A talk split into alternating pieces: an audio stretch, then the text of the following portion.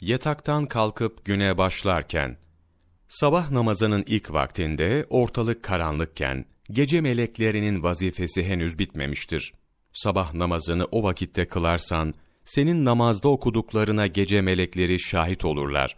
Sen namazda tertil ile yavaş yavaş Kur'an okurken ortalıkta yavaş yavaş aydınlanır. O zaman da gündüz melekleri vazifeye başlar ve senin namazına onlar da şahitlik yaparlar.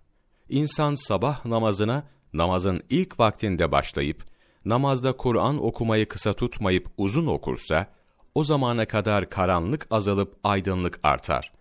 Karanlık, ölüm ve yokluk, aydınlıksa hayat ve dirilik gibidir.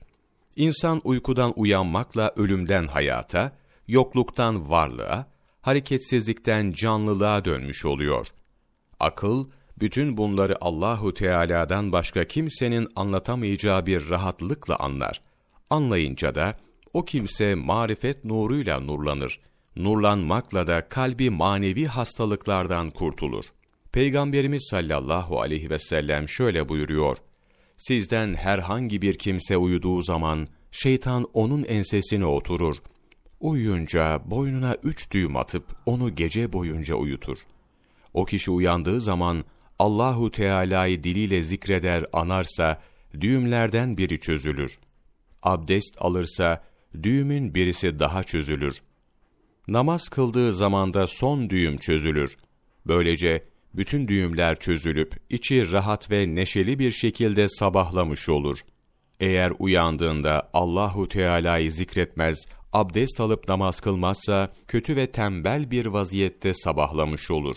Buhari Kendimizi gün doğmadan, geceden kalkmaya alıştırmalıyız. Çünkü her gece gün doğmadan Allahu Teala kullarına şöyle seslenir: Kullarımdan bir şey isteyen var mı? İstediğini vereyim. Kullarımdan suç işleyip de tevbe ve istiğfarda bulunmak isteyen var mı? Onu affa kavuşturayım. Huccetül İslam İmam Gazali rahmetullahi aleyh nasıl iyi bir kul olunur? Sayfa 75-76 10 Kasım Mevlana takvimi